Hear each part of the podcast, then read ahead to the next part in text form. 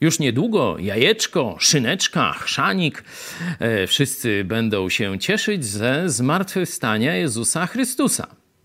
Pytanie, ilu z tych, którzy zakąszą, e, zapiją, e, będzie naprawdę myśleć o zmartwychwstaniu Jezusie?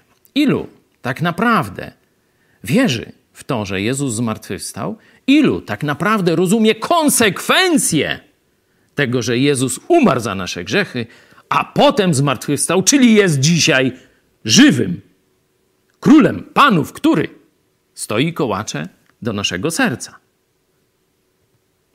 Bo jeśli tylko ukroisz szyneczki, zjesz jajeczko, zamoczysz w chrzanie, ciesząc się i dziękując, jakżeś dobrze uczynił, żeś zmartwychwstał, Panie, a nie oddałeś swojego życia Jezusowi, żeby On wszedł i je zmienił, obmył cię swoją krwią, to czynisz Boga kłamcą. Jak to tak? Od razu z tak grubej rury. No toż posłuchaj. Pierwszy list apostoła Jana, piąty rozdział. Najpierw Bóg mówi, jak ci człowiek daje świadectwo, no to daje dowód, ty mu wierzysz. Jeśli świadectwo ludzkie przyjmujemy, to tym bardziej świadectwo Boże, które jest no, wiarygodniejsze. A to jest świadectwo Boga, że złożył świadectwo o swoim synu. Kto wierzy w syna Bożego, ma świadectwo w sobie.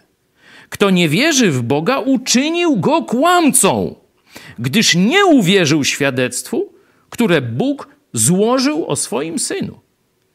Nie uwierzyłeś w świadectwo o zmartwychwstałym Jezusie, czynisz Boga kłamcą.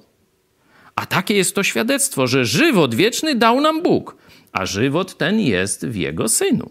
Kto ma syna, ma żywot. Kto nie ma syna Bożego, nie ma żywota.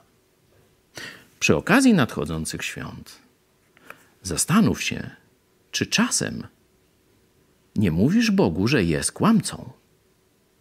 Jeśli Jezusa nie ma w Twoim sercu, a słyszałeś o zmartwychwstaniu, słyszałeś o tym wszystkim, co Jezus uczynił, odrzucasz to. E, co by tam miało tak być?